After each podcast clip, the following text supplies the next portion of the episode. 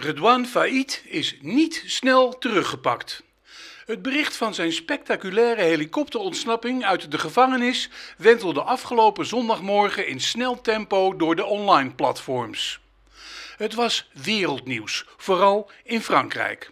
Faïd lapte het hem weer.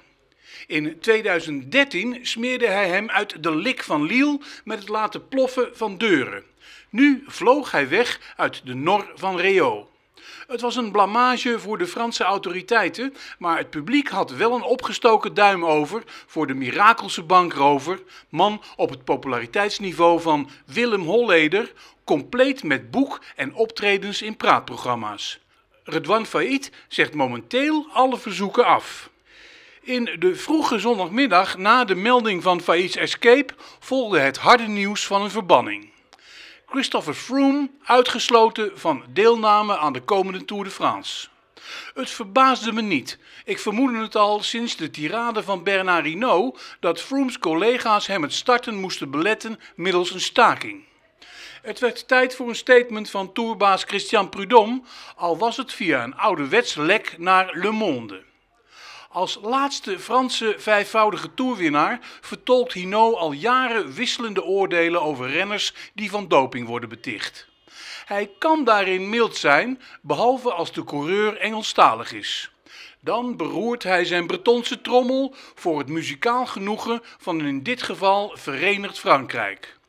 Het is al sinds de middeleeuwen geen warm verbond van overzeese naties na een honderdjarige oorlog over de beheersing van het land. Het moest eindelijk Frexit worden. Weg met Froome. Op de asociale media nam het Volkstribunaal alvast schuimbekkend stelling met veel spelfouten en weinig kennis van zaken. Mij viel vooral de timing op van de openbaring. Een zondag. Alle kantoren waren gesloten voor naastig zoekende media. Er werd een snelle tribunaalzitting aangekondigd voor afgelopen dinsdag. Dat schiep tijd voor intensief telefoon- en mailverkeer en andere communicatie tussen Prudhomme, UCI-voorzitter David Lapartien en Sir Dave Brailsford, de beschermheer van Froome. Op maandag volgde de tijding van de Frantrée. Vrijspraak voor Froome. Hij was ontsnapt van zijn uitsluiting voor de Tour. Voor mij is het als de introductie van een Engelse kaas, de fromage britannique.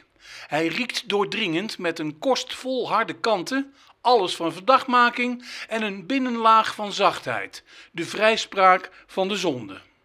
Salbutamol. Maak er eens kaas van om doping te ontkennen. Is het wel doping? Sir Brailsford voerde uiteenlopend wetenschappelijk onderzoek aan ten gunste van zijn belaagde kopman.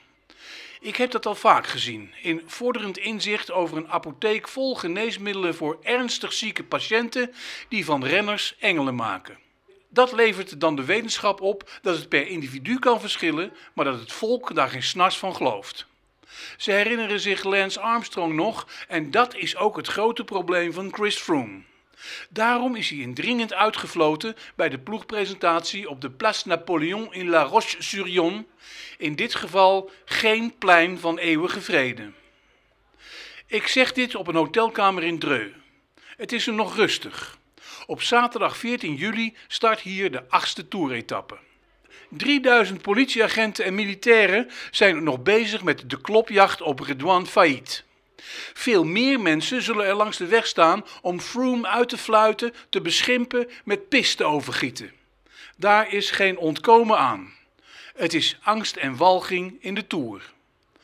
Onderweg naar de Tour ging het op Frans Info gisteren vooral over het overlijden van Claude Lanzmann, de meester van Shoah, de documentaire die geen enkele ontkenning over de Holocaust meer toeliet. Herhaaldelijk hoorde ik Landsmans quote dat er geen enkele foto is van wat er in de gaskamers gebeurde. Beklemmend. Onvermijdelijk dacht ik aan de oorlog die de Tour stopte. En aan Jacques Godet.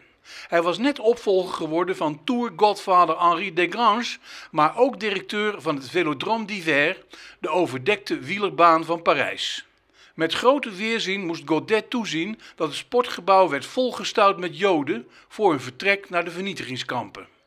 Er was geen ontsnappen aan.